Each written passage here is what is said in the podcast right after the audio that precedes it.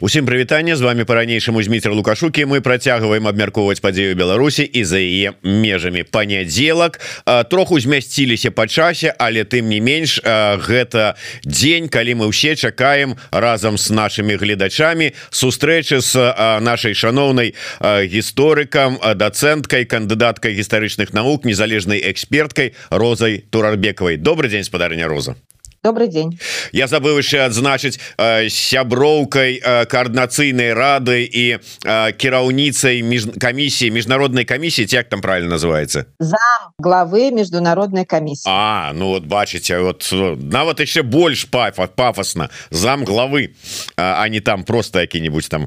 Та, а, але вось гэтую тэму і коаардынацыйнай рады і працы міжнароднай камісіі мы паговорым аб, абмяркуем гэтую тэму круху пазней а пачнем пачнем с міжнародных тэмаў і тут я б хацеў да вас спадарня Зо роза звярнуцца як да гісторыка ці вот чалавека які добра ведае гісторыю але і палітыка у тым же самым палітычна аглядальніка. І пачнем ведаеце що скажите з пункту гледжання гісторыка. Сапраўды Эммануил кант гістарычна вінаваты ў тым что зараз ідзе вайна ва ўкраіне Ну, тогда он виноват во всех войнах которые были после него я правильно Ну як мінімум у першай сусветнай і у другой сусветнай вот ён апроч вот а, гэтай третьей сусветнай гібриднай ва ўкраіне вінаваты у адпаведнасці с меркаваннем губернатора калининградской области ну, понятно в калининграде о чем мы о ком им еще говорить как они об Мануиле канте. Э, их, э, как говорится, вообще на самом деле они должны были бы, по идее, гордиться, но не знаю, что, что у них там на уме. А, но если совесть является да, а, причиной войны, то я согласна, да, наверное. Но в данном случае не Иммануил Кант тогда, а а, а, все люди, которые думают о том, что у них есть совесть и руководствуются в своих действиях совестью, вот это более, скажем, а, простое название э, и более простое понимание а, идеи Канта относительно да,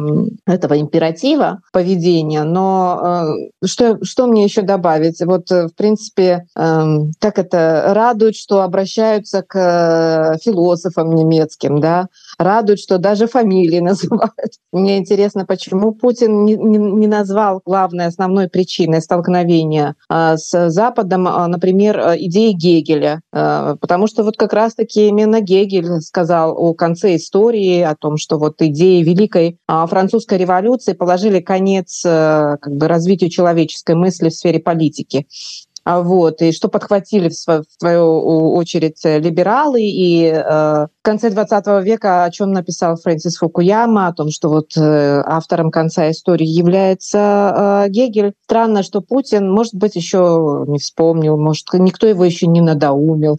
Не, ну, ну разумеете, вот гэта, гэта ж вот зусім недалёка, гэта ж вот на поверхні ляжыць. А Путин же ж як космічнага масштаба палітыкі, он же заглядае просто у глыбіні там третье, там пятое, восьмое тысячегоддзе. Рурыковичи мы, вот и вот это вот все а кант это ж вот учора было ну у параўнанні с этим. Да, слишком а, как это сказать современная слишком близкая. Ну наверное ну конечно боже э, историческая политика или использование вот э, так называемых исторических аргументов в современных политических этих э, речах российских государственных и политических деятелей это конечно тренд ужасный потому что таким образом может обосновываться все что угодно. Но к сожалению знанием истории они а, не блещут не блещут. Я еще раз посмотрела почитала э, то что говорил Путин в частности. Ну орда исчезла. Где орда? Самое это главное то где? Но самое главное. Те кто в общем сделали самый большой вклад в развитие московского княжества то сделали Москву-то центром. Это же орда. И они же это сделали стали таковыми благодаря лояльности орде. Это же еще в советских учебниках об этом даже писалось. Кто такой Иван Калита например? Причем тут Рюриковича извините? Они там немножко раньше чуть-чуть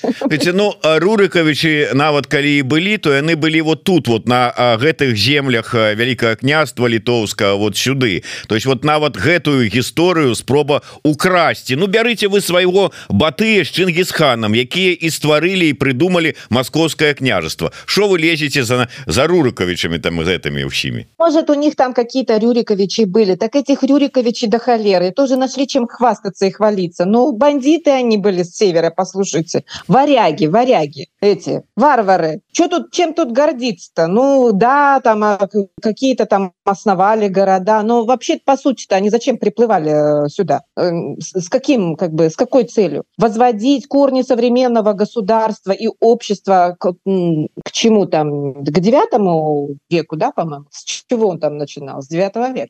Вот с новгорода он начинал. А, вот ну как бы ну это настолько странная вещь. А, это очень плохой признак. Это признак того что по всей вероятности а, это как а, признак того что видения будущего нет. Вот в чем дело. А, когда постоянно пишут об истории о великом историческом прошлом это означает что не видят будущего. Вот в чем дело. Даже в свое время назарбаев сказал что слушайте сколько надо надоели уже говорится история история, история. Ну, давайте нормальное государство строить в настоящем и смотреть вперед в будущее прекращайте эти споры по поводу истории. Ну там как бы своя была э, с этим связана проблема я имею в виду имею в виду в казахстане. Но с точки зрения просто здравого смысла а, вот это абсолютно нормальное замечание. Эти все исторические дискуссии они не должны предопределять а, как бы современную политику. Они должны чему-то нас учить да но предопределять и от, отталкиваясь от каких-то там рюриковичей э, в каком-то там девятом веке э, из этого делать вывод о том что сегодня можно напасть на Украину Ну я даже не знаю.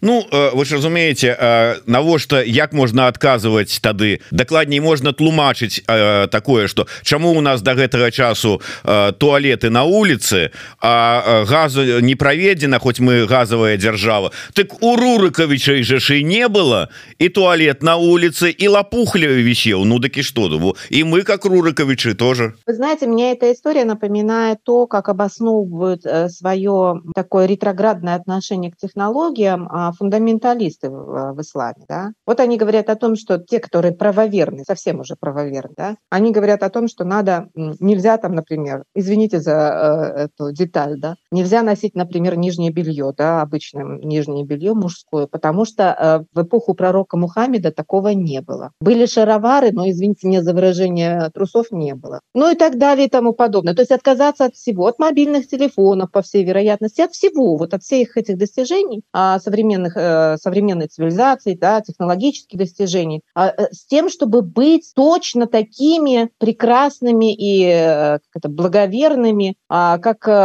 те самые предки, да, там, праведные предки в исламе, их называют, там, это в первую очередь эпоха первых четырех халифов. Ну, давайте, тады, вперед. Спадарня Роза, мы, мы тут, конечно, посмеялись, и можно так вот со здзіўленнем говорить, вот як можна привязывать канта до да войны ва Украине и гэтак далей. Але вот э, по-першае наколькі далёка яны могуць зайсці ў гэтых сваіх апраўданнях этой сваёй акупацыйнай войны і ці спрацуе? Вот няўжо вот на расійскі народ Э, будзе говорить Ну вот да вот кан же сам э, вот справакаваў что мы сейчас можем сделать? Як там э, як там Путин сказал там же Богдан хмельницкий просил мы ж не могли не отреагировать Ну отреагировали в 2022 году на просьбу о фейковую просьбу на самом деле Богдана Хмельницкого боже приплели. Вот. Ну а суть заключается в том что обращение к прошлому и использование всех этих фамилий скорее всего этот из коллектива Калининграда, да, государственный деятель, а, он, скорее всего, таким образом пытается привлечь внимание к себе со стороны Кремля. Я не думаю, что его интересует общественное мнение. Когда, когда их интересовало общественное мнение? Может быть, не, не, не так давно, но это было, скорее всего, в 90-е годы, когда еще там условно какие-то были демократические процедуры. Сейчас же они нацелены совсем на другое. Их интересует не мнение народа, их интересует мнение царя. То есть они угадывают и в этот, этот тренд, да, там, в соответствии с колебающимся меняющимся, колеблющимся курсом партии и правительства. Вот что я думаю. Если бы их интересовало народное мнение, общественное мнение, они бы обращали внимание точно не на внешнюю политику и точно не, не на Мануила Канта. Вот, скорее всего, на туалеты на улицах. Я не думаю, что а, русский а, народ а, как бы готов там страдать вечно ради каких-то там великих целей и идей. Скорее, а, то, что происходит сейчас, это происходит, вернее, участие русских в этой войне и поддержание ее. Мне кажется, что это от, от какого-то безумия и от какого-то отчаяния от того, что происходит внутри. Ну, а... такая, это вот э, это э, как там загадочная русская душа, да, про это любили говорить. Но мне кажется, дело тут не в загадочности, а дело в том, в неудовлетворенности настоящим. Но так как ближний начальник, с ближним начальником бороться тяжело, то лучше всего свою агрессию выливать за пределы. Вот мне, мне кажется, это, тут достаточно, как это сказать, а, простая схемка психологическая. Почему люди идут на войну, да? Почему им проще убивать, чем как бы налаживать свой быт и э, обустраивать э, свое, свое место проживания, да, условно говоря. Мне кажется, что загадка заключается именно в этом. Тяжелее воевать со своим начальником, потому что свой начальник, он просто урод, убийца и вор. С ним страшно связываться. Вот. А вот как бы агрессию свою и вину свою туда нести, перекладывать. Туда, куда-то там, на Запад, НАТО, Украина, националисты там. В Казахстане тоже, оказывается, выясняются там какие-то националисты. Везде вот эти злобные силы, а злоба-то она внутри. И в этом, мне кажется, и есть истинная причина вот этой проблемы, по которой Россия все время ходит по этому кругу заколдованному. Есть э, личности, нет прогресса, нет, нет движения вперед. Все то же самое. Опять они возвращаются на этот свой круг.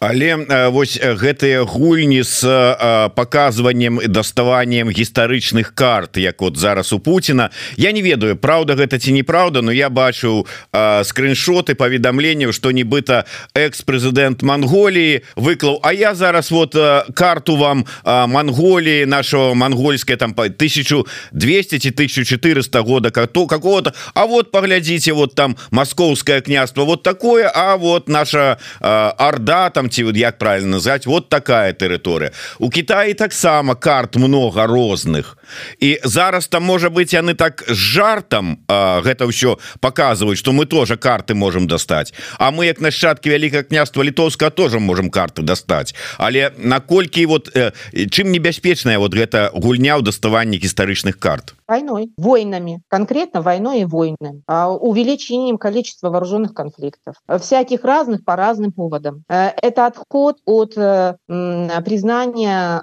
границ ныне существующих это одна из самых страшных вещей международных. Это прямая дорога к войне. То, с чего начинал Гитлер. Того, что он не признавал э, итоги Версальского мира. Соответственно, он считал, что необходимо проведение там, референдума, да, там, где? В Судетах, например, и так далее. Ну да, в Судетах жили немцы. И это стало э, поводом для нападения на Чехословакию. Еще там где-то жили немцы. Это тоже стало э, поводом для нападения. Там свой немецкий мир, да, восстановить. Э, тем более там это прошло не очень много времени по, по итогам Первой мировой войны, да, а, Вторая мировая война началась буквально через несколько десятилетий, прям считанное количество десятилетий. 18 год заканчивается вторая, о, Первая мировая война, в 39 году начинается Вторая мировая война. Всего 20 э, лет, да. За 20 лет вот эта история с реваншизмом, она в Первой мировой войне, человечество вступило во Вторую мировую войну, которая по своим масштабам и э, результатам превзошла Первую мировую войну, я имею в виду количество жертв там и, и прочее, и прочее. Вот, вот чем чреват, собственно говоря.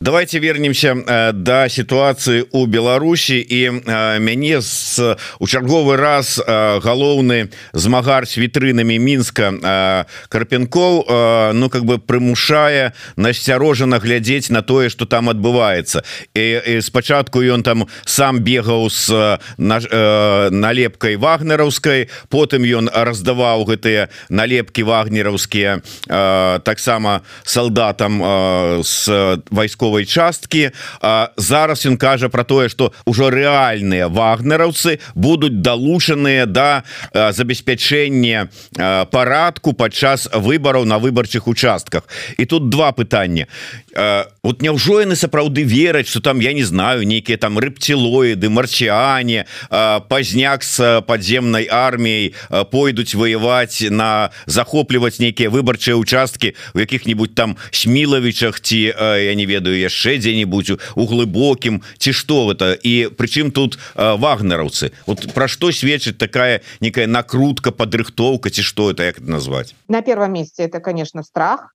травма. Они тоже у них это посттравматическое расстройство развивающееся да. Вот они это воспринимают как как сказать как угрозу или как малейшую возможность повторения двадцатого года а у них вызывает вот этот вот вот этот страх. Страх сидит очень глубоко это действительно я думаю что это не только как бы это не только вопрос просто анализа политического но это вопрос еще и психологического состояния. Так вот психологическое состояние у них очень плохое. У них посттравматический синдром который не лечится. Он не лечится они не лечат его. Они э, занимаются тем что они его усугубляют своими страхами своими рассказами о том как они там я не знаю кого где в каком э, э, случае будут хватать там э, и так далее и тому подобное. Объявлять всех экстремистами заводить все больше и больше количество уголовных дел. Короче говоря постоянная накрутка как вы говорите постоянное присутствие вот этой негативной повестки с моей точки зрения помимо вообще в принципе оценки политической да э, кто там может сейчас вызывать там я не знаю хоть какую-то минимальную мифическую да э, угрозу? Никто. Поле чистое абсолютно. Все вырвано с корнями да. Но проблема не в этом. Они не, не, не, не мне кажется это конечно это мое мнение. Мне кажется они не то что вот не видят этого но у них проблема в них самих. Это это действительно травма. Они психологически ее не могут никак преодолеть. Вот в чем дело. То есть помимо всего прочего логики развития там репрессивной машины того что если это запускается то это не останавливается потому что уже не может само по себе остановиться. Они уже не могут отмотать назад и сказать ой не ребята извините но давайте мы на этом остановимся больше никого не будем хапать и так далее и тому подобное. Это означает что они как бы признают что данная политика на сегодняшний день исчерпана что страх это страх этот исчез. Но он не исчез. Он не исчез не из политического поля в реальность. Он не исчез вот здесь. И это вот проблема вот здесь они психологически э, страдают. Это страдания такие. Это птср да классический. Ну понятно кто главный э, пострадавший был да в результате. Вот травма кто получил? От кого там все эти круги идут? Ну понятно лукашенко. Но кроме него же есть и еще ряд э, лиц которые э, боятся. И таким образом реализовывается их страх я так полагаю. Я я не я, э, мне очень сложно представить себя на их месте или в их шкуре да. Но э, я думаю что вот с точки зрения психологической да хорошо было бы описать эту э, историю. Я думаю что здесь как бы э, психоз самый настоящий спадарня роза ну так э, уже ж как бы четвертый год пайшоў яны ж перакананыя что яны усіх ужо э, знішчылі застрашылі выгналі что яны пераможцы. Яны ж там ура ура! Які страх ну? Ну ладно спачатку быў да пагаджуся. Ну а цяпер-то? Яны ж вон такія гордыя паглядзіце на азаронка Господи же ж там вот готовы как бы перад усімі рассказывать як як мы тут усе бедные несчастные готовы на коленях ползать Я думаю что в этом случае бы вам бы лучше ответил психиатр. Почему? Я думаю что ответ лежит вот в области психиатрии. Не в области логики не в области политической. Это психиатрия. Я не могу вам ответить на этот вопрос. Я просто предполагаю что здесь надо обратиться скорее всего за анализом психиатра я думаю что психиатр может рисовать почему так происходит. Это скорее всего э, результат вот э, вот этой травмы и здесь нужен такой как это сказать э, анамнез да Ну да вот э, тут было б добра конечно э, провесці такі э, професійны эфир с со зміцером шчыгельскім да прыкладу вот уже ж как бы человек мае опыты выставления таких дагназаў але сапраўды вот нават по прызнанні самих вот гэтых пераможцаў у мінулым годзе у 23 годзе было распачата 2580 крымінальных справаў экстрэміст экстрэміскага характара то есть вот уже э, третий год а яны ўсё экстрэмістаў экстрэмістаў ловяць тых хто там вот э, э, карыстаючыся інтэрнетам там не ведаю что там вробіць творыць экстрэміскія лайки ставіць там мне конечно там тое что адбываецца на дзяржаўным тэлебачанні тут конечно это другое это не распальванне варожню варажнечы ўсяго астатняе А вот это вот да. І э, нема страху что ну в прынцыпе как бы люди могуць не вытрымаць гэта ці э, такими рэпрэсіямі як показывае гісторыя э, ну рэвалюцыі не не ўздымаюцца за гэта из-за репрессий революция не происходит э, это немножко по-другому происходит. То есть э, э, с моей точки зрения для нас э, более близкий пример является э, то что произойдет после смерти лукашенко. А и я думаю, что мало а, кто а, сможет удерживать вот этот вот накал репрессий на таком уровне такое длительное время. Для этого надо быть именно таким а, человеком, как Лукашенко, а, с его страхом, с его травмой, с его определенными психиатрическими какими-то моментами. Вот. А, он очень человек упрямый, жесткий и жестокий. А, надо быть точно таким же, как он. Скорее всего, а, такого человека а, второго уже не будет. Это раз. Во-вторых, а, и, и мне кажется, что вот любые аналогии, если искать, то только те, которые ближе к нам. А, вот. Не, а, не в истории Португалии, э, Испании и так далее. Нет а скорее всего ближе то, что было ближе к нам. Что происходило после смерти Сталина, например, что происходило после смерти Ислама Каримова, одного из самых жестоких да, диктаторов на постсоветском пространстве. А что происходит сейчас в Казахстане, когда власть э, у Назарбаева э, сейчас уходит да, в руки другого президента при жизни еще Назарбаева. Вот такие моменты, мне кажется, необходимо сравнивать. За единственным исключением, может быть, если на смену Лукашенко не сядет его сын. Но даже если придет к власти его сын, я не знаю, как, о каком из сыновей может идти речь в данном случае, никто из них не способен повторить а, то, что делает Лукашенко. Они будут вынуждены откручивать гайки назад. Вот ну, мое так мнение и представление, как это может происходить. При Лукашенко скорее всего, уже не изменится. При Лукашенко будет продолжаться та же самая история. Он сам себя уже настолько убедил э, в том, что это необходимо делать, раз. Во-вторых, еще раз повторюсь, у него вот эта травма, травма, которую надо описывать не мне, а психиатрам,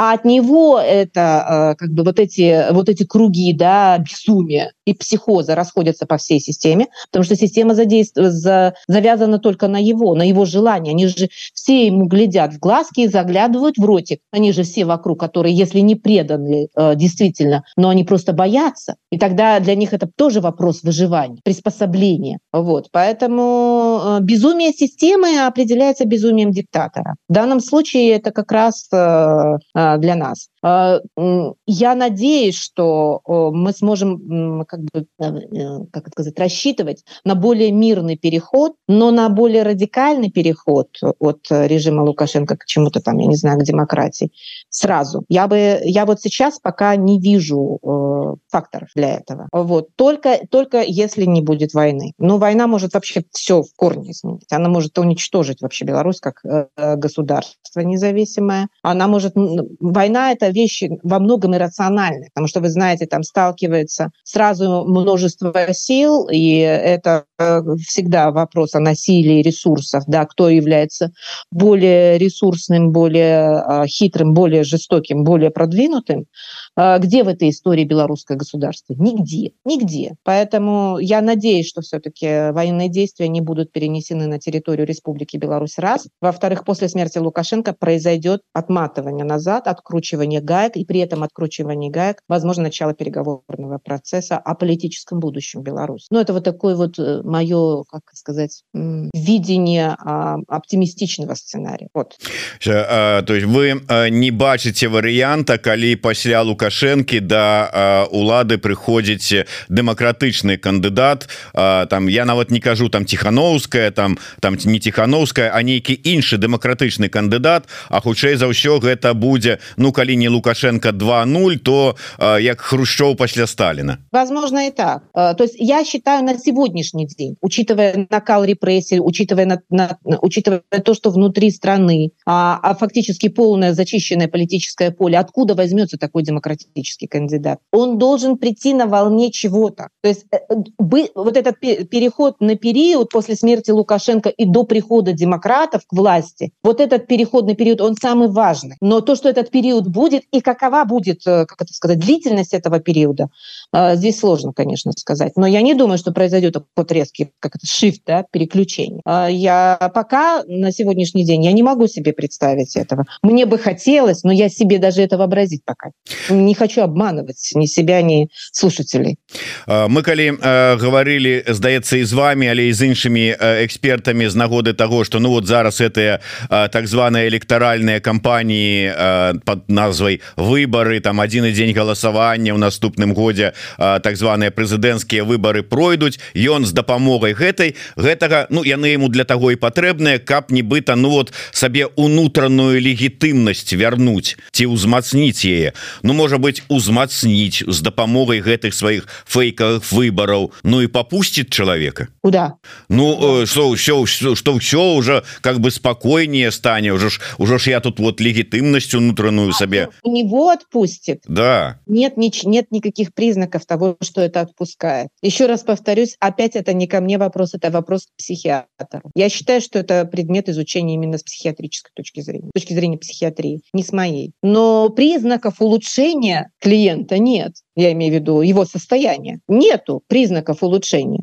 Все в том же состоянии. Не э, э, понимаете позитивной повестки ведь не видно. Все время повестка негативная. Вот в чем дело. Вот например э, э, пытались сделать позитивную повестку. Я так я так думаю что это они пытались сделать но я не знаю у них не, не хватает мозгов как это сделать да во-первых первая э, попытка сделать позитивную повестку это комиссия по возвращению. Но как, как ее сделали эту комиссию вы понимаете что ни о каком возвращении речь не идет вторая попытка я думаю это попытка обсудить вот эту вот статью по как это ответственность уголовной ответственности по распространению наркотиков. Да знаменитая извините 328 было, да по которой 328 по которой очень много молодых да сажают ну просто на чудовищные строки страшная вещь да. Встречи были я так понимаю попытка была изменить ситуацию э, может быть внести какие-то изменения. Он же пытается что-то сделать позитивное. Вы же видите относительно амнистии относительно того что почему-то да, там убийство мужа несчастную там женщину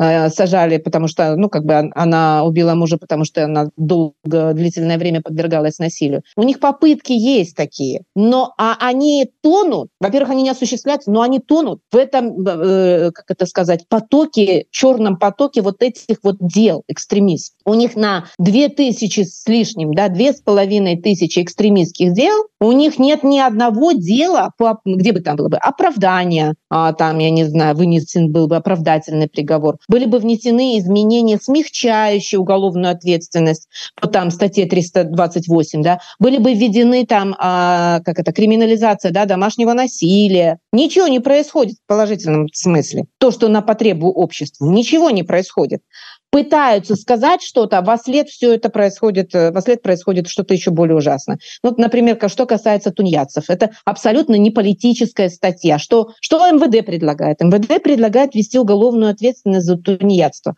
Ну простите меня после таких новостей э, как можно говорить о какой-то положительной повестке? Ее просто нет. Повестки положительной нет. Единственных положительная повестка как они собираются провести выборы с помощью там я не знаю ОМОНа ЧВК Вагнер и так так далее. Вот, ну, это, это что? Это позитивная повестка. Что они там собираются на избирательных участках предлагать? А, эту самую черную икру по 10 рублей? Что? Ну, где-то же должна быть какая-то позитивная повестка. Я ее не вижу. Мне, конечно, сложно сказать, сидя там в Вильнюсе, да, есть ли позитивная повестка или нет. Но никто из моих знакомых не пишет о том, там, там что-то положительное. Ой, там как хорошо. Или ой, ну вот здесь вот вроде ничего. Напротив, люди же сидят на этих собраниях и молчат. Вопросы не задают.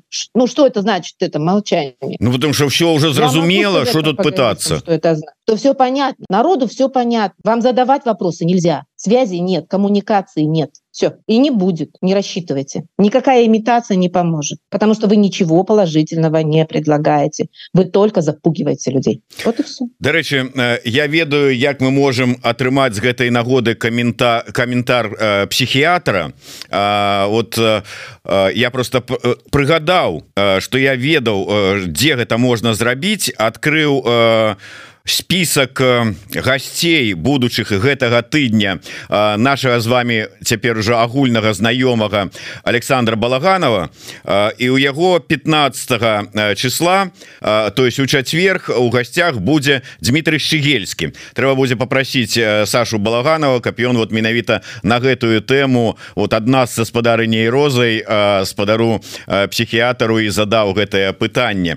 А вот карыстаючся момантам я хочу усім нагадаць хто гэта чамусьці не зрабіў до гэтага часу. Па-першае подписывайтеся на телеграм-канал спадарыні розы турарбекавай по-другое не забывайтеся подписываться расширывать натискать падабаечку звоночек YouTube канал еврорада для тых кому это бяспечна. Ну і калі уже узгадали балаганова то безумоўно подписывайтеся на канал нашего фактычна уже партнера інфармацыйнага балаван балаганова балаган of заходзьте задавайте свае пытанні. Дарэчы на гэтым тыдні у Сашы шмат цікавых гасцей. Узгаданы уже шчегельскі і фридман і усаў і зміцер лукашук. Вось такая зорка палітычнага аналізу узыходзячая.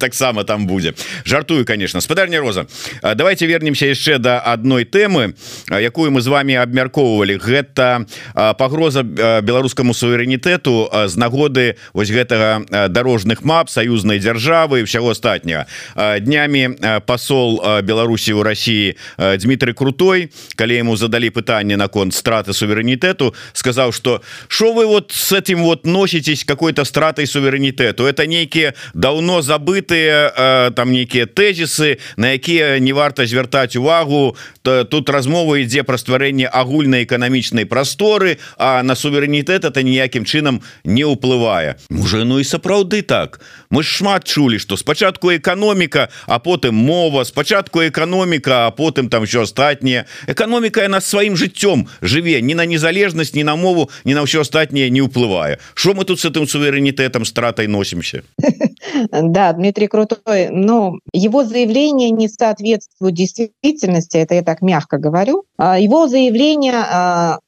вообще в принципе непрофессиональные я понимаю почему он так говорит потому что ответить ему нечего а, на реальные вопросы. Во-первых союзное государство это не про экономическое пространство. А Дмитрию крутому я советую открыть договор о создании союзного государства который подписан был в 1999 году. Он его упомянул в своем интервью но он ничего не сказал что речь идет о создании именно государства с общими наднациональными структурами. Пардонте какой какая экономика? О чем это он? О чем это он? Уже не говоря о том что в 22 году когда подписали э, простите в 4 ноября 2021 года когда подписали дорожные так называемые карты. Там же название -то это документа знаете основные направления реализации договора о создании союзного государства. 10 направлений 28 дорожных карт. А все что касается вопросов администрирования налогов это не это не экономика это управление. Я думаю Дмитрий крутой это знает. Там большая часть дорожных карт она не совсем про экономику а она про управление например там про макроэкономические да, э, те самые стратегии управления про банковские э, вопросы с финансовые. Это не это не чистая экономика она там не в отрыве в отдельной вселенной живет. Речь идет о данном государстве о его национальном суверенном праве собирать налоги устанавливать их. А не фактически благодаря подписанному межправительственному соглашению и созданию наднационального налогового комитета но самое главное это интегрированные системы они отказались от части своих суверенных прав. Это я еще не говорю про создание РГВ. Поэтому э, это не совсем про экономику. Э, э, Дмитрий Крутой, он был министром экономики. В свое время он был первым заместителем министра экономики.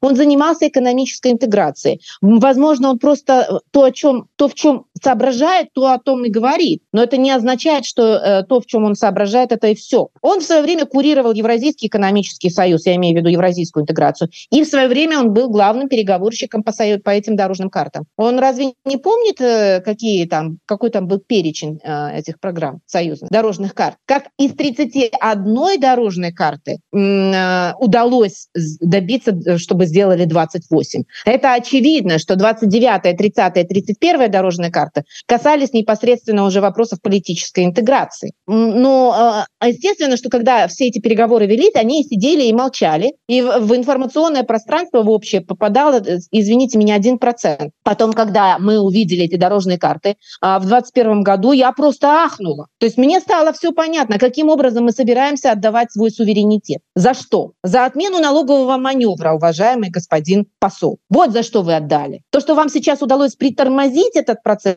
не означает, что вы на самом деле не занимаетесь сдачей Родины. Вы продолжаете этим заниматься. Вот и все.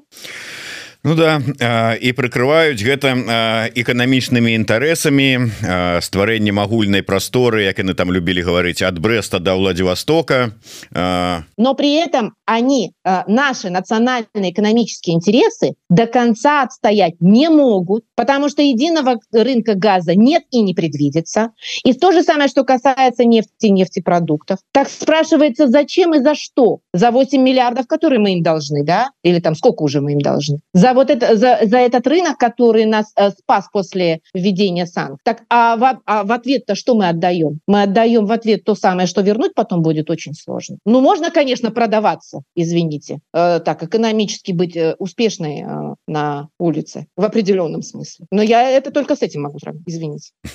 Ну, хотя так э, вельми образно. А, а з іншага боку, я вот тут згадаў гэта ад Бреста до Владивостока, але калі э, там э, теж хотя уже прыгадали что э, гістарычная э, тэрыторыя Владивостока належыць э, Китаю вот то глядишь как-то вот и звузятся гэтыя тэрыторыі эканамічныя і гэтак далей але давайте яшчэ одну тэму закранем э, тэму э, наўпрос я ж не здарма прыгадаў что вы ўсё ж таки актыўны сябар коаардынацыйнай рады і гэтак далей. Там намеснік кіраўніцы намесніца кіраўніцы камісіі кіраўніка камісіі по міжнароднай.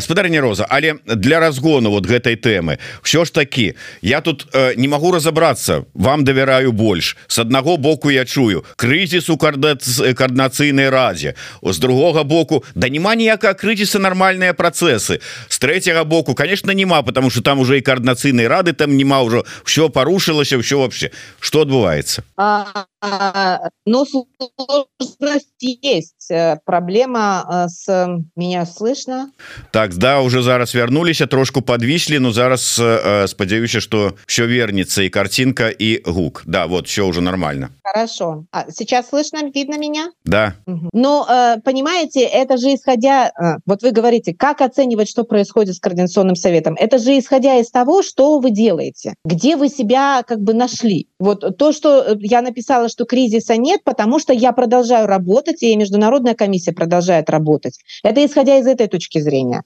А те люди которые занимаются исключительно обсуждением вопросов системы выборов те конечно могут написать что э, там кризис тупик там и так далее там подобное потому что как вы знаете а координационный совет в начале не буду весь процесс начала описывать просто последние события да а координационный совет на своем последнем заседании принял решение что вот такую-то схему мы принимаем за схему своих выборов и определяем дату. Ведь от нас же со всех сторон требовали дату что мы же как бы э, как-то бесконечно можем себе продлевать эти полномочия. Вот и мы естественно вместе с продлением мандата мы решали вопрос о привязке этого мандата к конкретной дате то есть когда он заканчивается. Вот зачем нам эта дата нужна была. Вот. И таким образом было принято решение. А, вот эта система по этой системе будем э, выбираться. Вот эта дата 25 мая. Вот такие так, вот такая была внутренняя мотивация. Мы себе продлили мандат мы приняли систему э, выборов и мы привязали это все к, к дате новых выборов третьему созыву да. Предполагаемой дате выборов третьего созыва чтобы им передать наши дела. И чтобы наш мандат не был бессрочным как некоторые там писали что они там совсем уже. Вот это первое. А, с другой стороны, те люди, которые пишут, что там уже ничего нет, так э, это люди, которые не знают, что там было. Ну что, о чем они говорят? Лена Живоглот сложила а, полномочия по истечению срока мандата, который был определен когда-то год тому назад. Это ее право, она вице-спикер. Но у нас спикер остался, у нас все комиссии остались на месте, все, все руководство фракции, за исключением одной, может быть, фракции, а, комиссии, весь состав основной остался на месте. Люди, которые вышли, я не говорю о Лене Живоглот, например, например, или еще там о ряде лиц, которые вышли, собственно говоря, 7 а, или там 8 да, февраля, а, эти люди работали, они сделали свой вклад в развитие Координационного совета, несомненно. Люди, которые выходили до того, вы меня простите, они не сделали никакого вклада. Кроме того, что они вышли в эфир с тем, чтобы, извините меня, метать фекалии в сторону Координационного совета. Безосновательно. Там, обвиняя в коррупции, ну, во всех смертных грехах. Там. Пророссийские, коррумпированные, хотят свергнуть Тихановскую. В общем, если есть какие-то э, э, странно, что нас не обвинили там в поедании или там в убийстве младенцев, да, и еще что-нибудь в этом роде. Но я все жду, вот когда нас уже начнут в этом. Это не, не хватает, понимаете, чуть-чуть там для нашего морального облика окончательно, чтобы нас закопать. А вот для них, конечно, ничего не э, координационный совет не существует, потому что они не знают, что там существует. Но а, то, что есть проблема коммуникации и то, что м- в средствах массовой информации очень, по всей вероятности, не делают акцент на результатах работы Координационного совета, а скорее на скандалах Координационного совета, я не буду сейчас никого обвинять, я буду говорить, наверное, о том, что, может быть, это наша недоработка. Это то, о чем Александр Балаганов мне сказал как раз во время нашего последнего эфира, а этот эфир был сразу после последнего заседания Координационного совета как раз. Вот и, и учитывая его замечания и критику, и не только его замечания и критику, я вот и хотела сегодня рассказать о том, с чем мы выходим год спустя.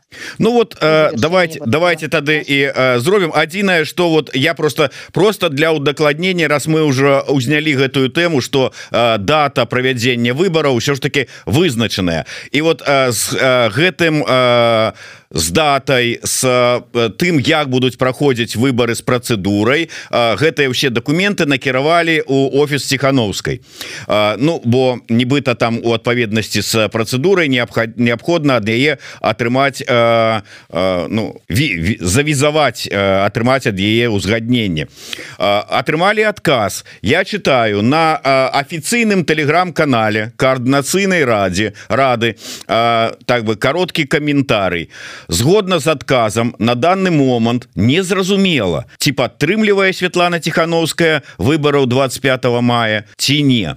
То есть вот так это гэта тут мягко сказано я уже чытаў каментары про тое что нерашучасць тихохановской зацягванне процессаў невядома яшчэ что а каментар быў на падчас мінулага стрыма. Я его специально запісаў тому что думаю ён акурат подходзіць под нашу тэму куратары тихохановской зарубілі коаардынацыйную раду бо яна адцяг адцягвала бы ад яе легітымнасць то есть вот э, координацыйная рада оттягивая легитимность тихохановской и поэтому вот яе э, офис тихохановской тена сама зарубили.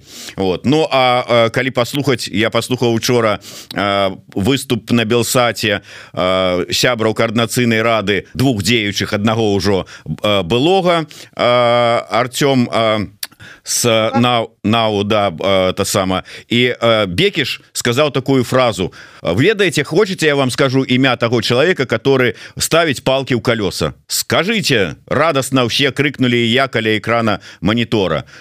Латушка Так вот расскажите ўсё э, ж таки ролю латушки як асноўнага тормоза дзейнасці координацыйной рады для того чтобы рассказать роль латушка в качестве там как вы говорите тормоза да для этого надо наверное вспоминать самого начала координационный совет тогда когда он был только создан и латушка достаточно демонстративно вышел да из состава координационного совета при этом как бы обвинив э, состав координационного совета там в ряде каких ну у него был ряд обвинений я только помню что вот э, я просто помню свою реакцию я как раз э, мы в Германии были, я была на экскурсии на одной, и тут я получаю информацию о том, что вот э, такая история, и ничего не понимаю, потому что, ну, как бы мое представление не совпадало с заявлением э, Павла Павловича относительно Координационного совета. А, вот. И, по-моему, это дело касалось санкций, мне кажется, я сейчас уже не вспомню точно, дело касалось санкций. И очевидно, что интересы э, тогда разошлись у Координационного совета, какой-то части, вернее, может может быть основной части Координационного совета и Павла Павловича Латушка. Вот. При этом а, часть НАУ а, является, являлась членами состава Координационного совета, основного состава, не основного, второго состава, извините, Координационного совета. Какие-то подспудные те самые столкновения, наверное, были, но я, к сожалению, не смогу вас сейчас хорошо проконсультировать по этому вопросу, потому что я стала членом Координационного совета в, а, в конце августа, в начале сентября. И то, что происходило внутри, мне было не совсем ясно и понятно.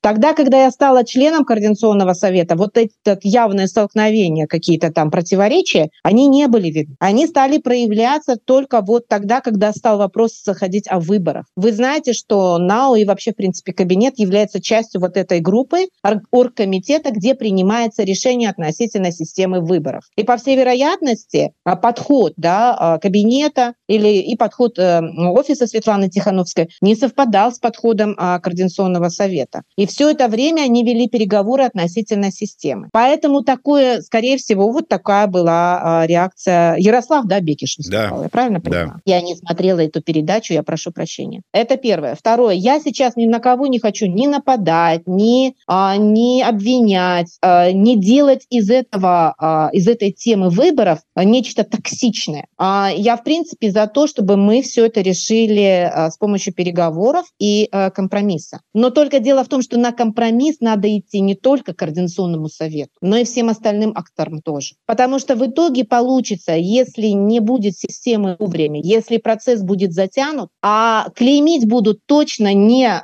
кабинет и не офис клеймить будут Координационный совет. И получается, что не то чтобы мы без вины виноваты, но что не вся стопроцентная вина лежит на Координационном совете. Но дело, ну понимаете, мне, мне вот в принципе вот эти внутренние наши столкновения, да, интересов и м, споры, мне бы сейчас не хотелось выносить сейчас здесь на обсуждение, потому что я надеюсь, что мы все-таки найдем компромиссное решение.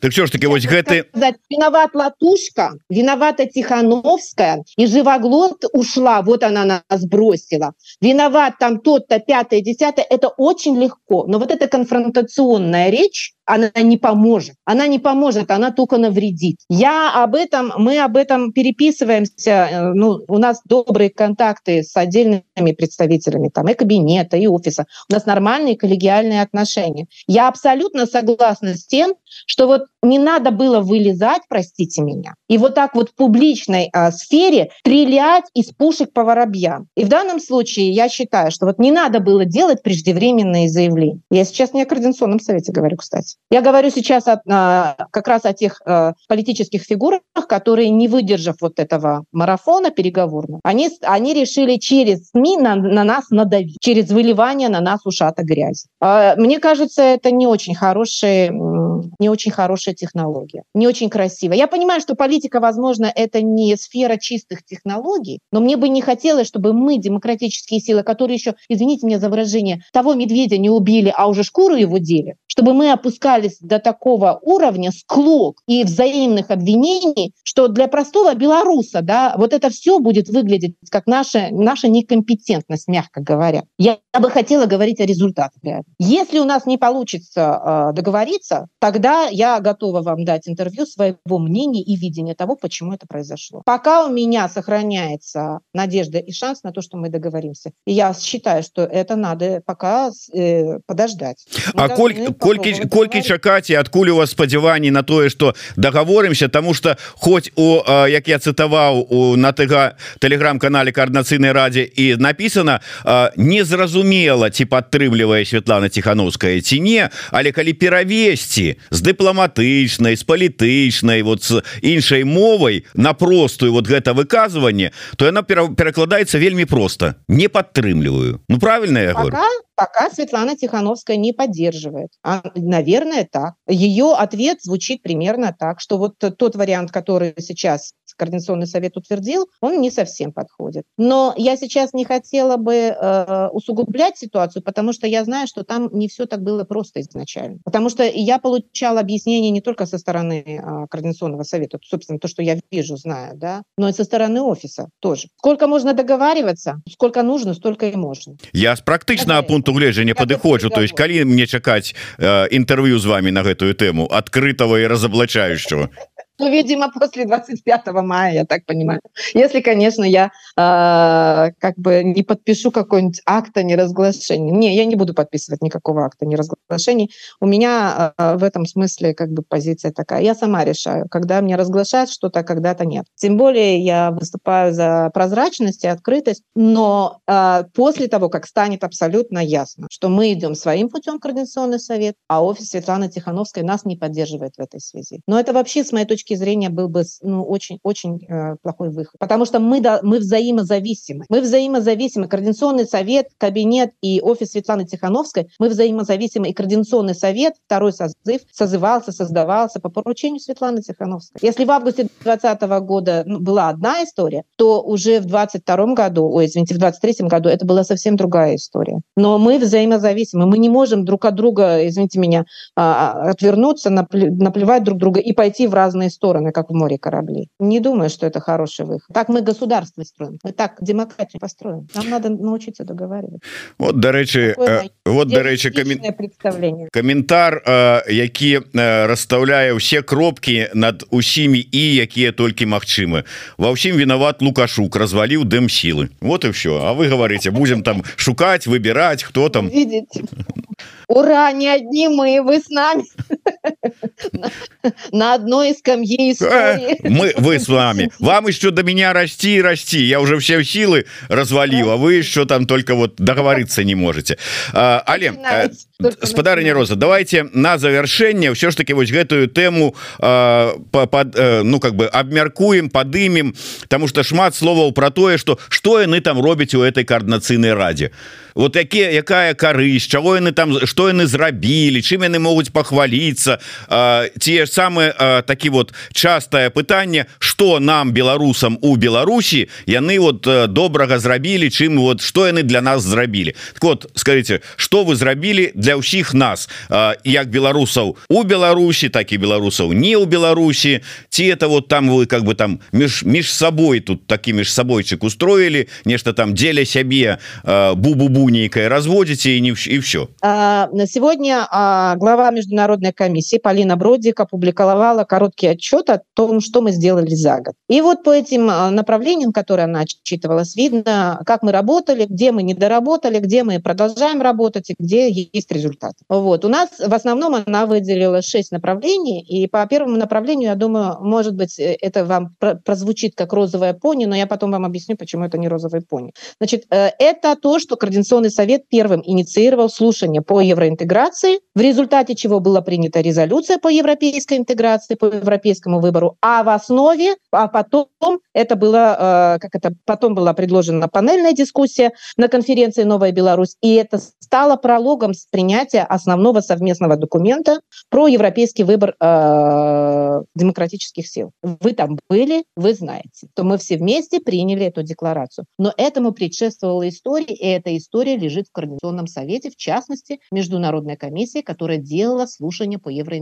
То есть никогда документ на пустом месте не появляется. Он появляется в результате работы. Вот он появился в частности, в частности, я не присваиваю только Координационному совету, но Координационный совет, Международная комиссия была первая, кто сделал слушание по, европейским, по европейской интеграции. Второе направление – это, э, как вы помните, были слушания ОПК, и там Валерий Ковалевский отчитывался да, перед Координационным советом, а Международная комиссия организовывала и занималась тем, что делала эти слушания, задавали вопросы там и так далее тому подобное. Все это закончилось не говорильней, а все это закончилось тем, что мы сформулировали список рекомендаций а, Ковалевскому. Не потому, что он некомпетент. Мы должны научиться нормальной цивилизованной работе. Не потому, что он некомпетентный. А во время слушаний выяснилось, не так уже много ресурсов у, у кабинета с тем, чтобы заниматься и а, текущей политикой, и стратегией, и тем-то, и тем-то. И мы, в принципе, выработали свои доброжелательные рекомендации относительно того, что делать а, кабинету и Ковалевскому в частности. И после этого у нас были консультации с Ковалевским. Они продолжаются до сих пор. Я надеюсь, что они продолжатся и э, далее. Третье направление – это то, что мы не довели, до, к сожалению, до ума, но я думаю, что мы очень скоро к этому придем. Вот как раз нам-то и нужен было продление мандата, чтобы завершить это дело. По нашей инициативе и под руководством Международной комиссии координационного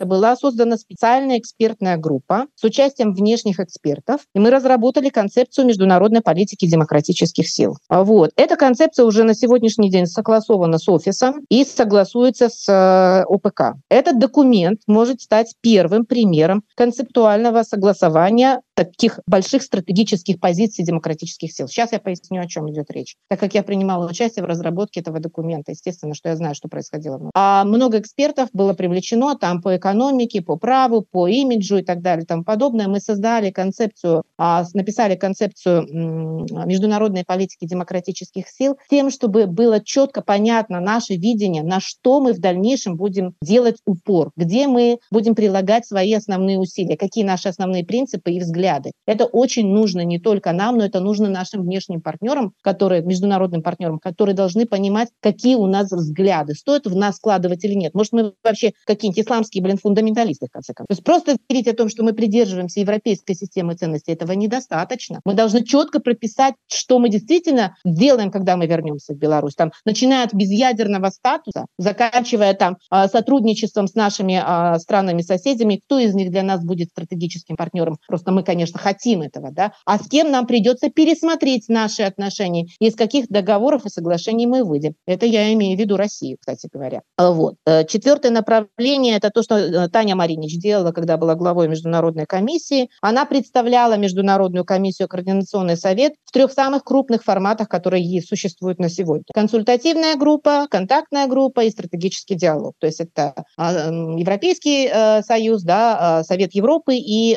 тот самый, и Соединенные Штаты. Значит, Татьяна а, проделала хорошую работу, колоссальную работу. Она координировала формирование и содержала, содержательным наполнением занималась предложений делегации Координационного совета на стратегический диалог США. Там была проведена хорошая работа предварительно. И это все благодаря Татьяне Маринич как главе Международной комиссии. В результате на сегодняшний день мы продолжаем работать над стратегическим диалогом, будем принимать участие в создании и работе рабочих групп. Плюс еще у нас новое направление появилось, мы хотим вместе с офисом и с кабинетом а, предложить свои поправки в Беларусь Democracy Act. Вы знаете, что это будет основным законом, который э, будет э, определять наши отношения с Соединенными Штатами. И э, там у нас есть наши предложения. Мы надеемся, что они будут каким-то образом услышаны, учтены. Естественно, что Ковалевский в этом смысле делает основную работу, но мы формулируем в том числе и наши предложения. Мы непосредственно сейчас этим занимаемся. У нас есть о чем говорить, что предлагать и против чего даже возможно и возражать. Э, тем более, что Беларусь Democracy Act, он такой, знаете, документ, он нам нужен, и у него достаточно сложная пока еще история. И если он будет принят как целостный документ, э, он будет принят ну, по истечении какого-то срока, не надо нас винить в этом Координационный совет. В Соединенных Штатах есть свой собственный Координационный совет, он называется Конгресс США, Сенат США. И они там между собой тоже конкурируют, кстати говоря. А вот. В том числе и по Беларусь Democracy Act у них есть два разных проекта, конкурирующих друг с другом.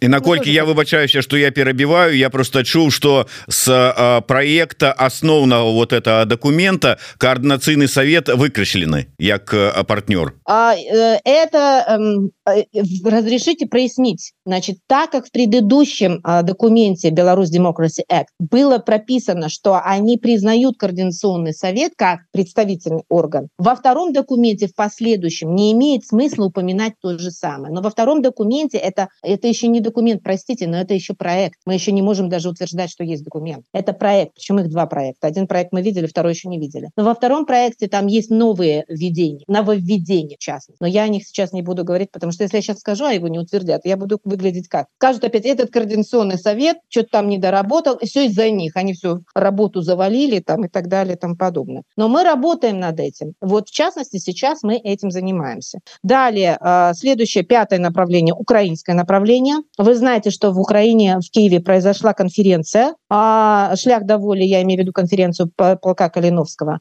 А координационный совет внес свою большую лепту а выступил почти в качестве соорганизатора. Я не хочу обидеть пол Калиновского они считаются основными организаторами поэтому не буду говорить да что мы были с организаторами но лепта была большая. Но по при э, по предложению нашей главы комиссии Полины Бродик была сделана панель по белорусско-украинским отношениям. Только она инициировала никто не инициировал она инициировала сделали панель по белорусско-украинским отношениям. Помните вы мне задавали вопрос относительно декларации которую подписал Егоров а потом неизвестно куда это делать вот сегодня выяснилась эта история я задавала специально ну, не я задавала просто выяснилась эта история. А по итогу этой конференции были внесены определенные э, замечания и предложения. Должны были доработать в течение недели сам этот документ и потом этот документ должен быть был быть разослан всем представителям кто там был да на этой конференции. Но пол Калиновского решил не дорабатывать. И пока вот так вопрос висит поэтому Егоров подписал. Мы э, пока не дождались внесения изменений в эту декларацию. И пока э, пол Калиновского решил оставить эту декларацию такой какая она была принята там. Вот она история какая. А по поводу наших отношений с Украиной э, в этой концепции я приоткрою немножко секрет да.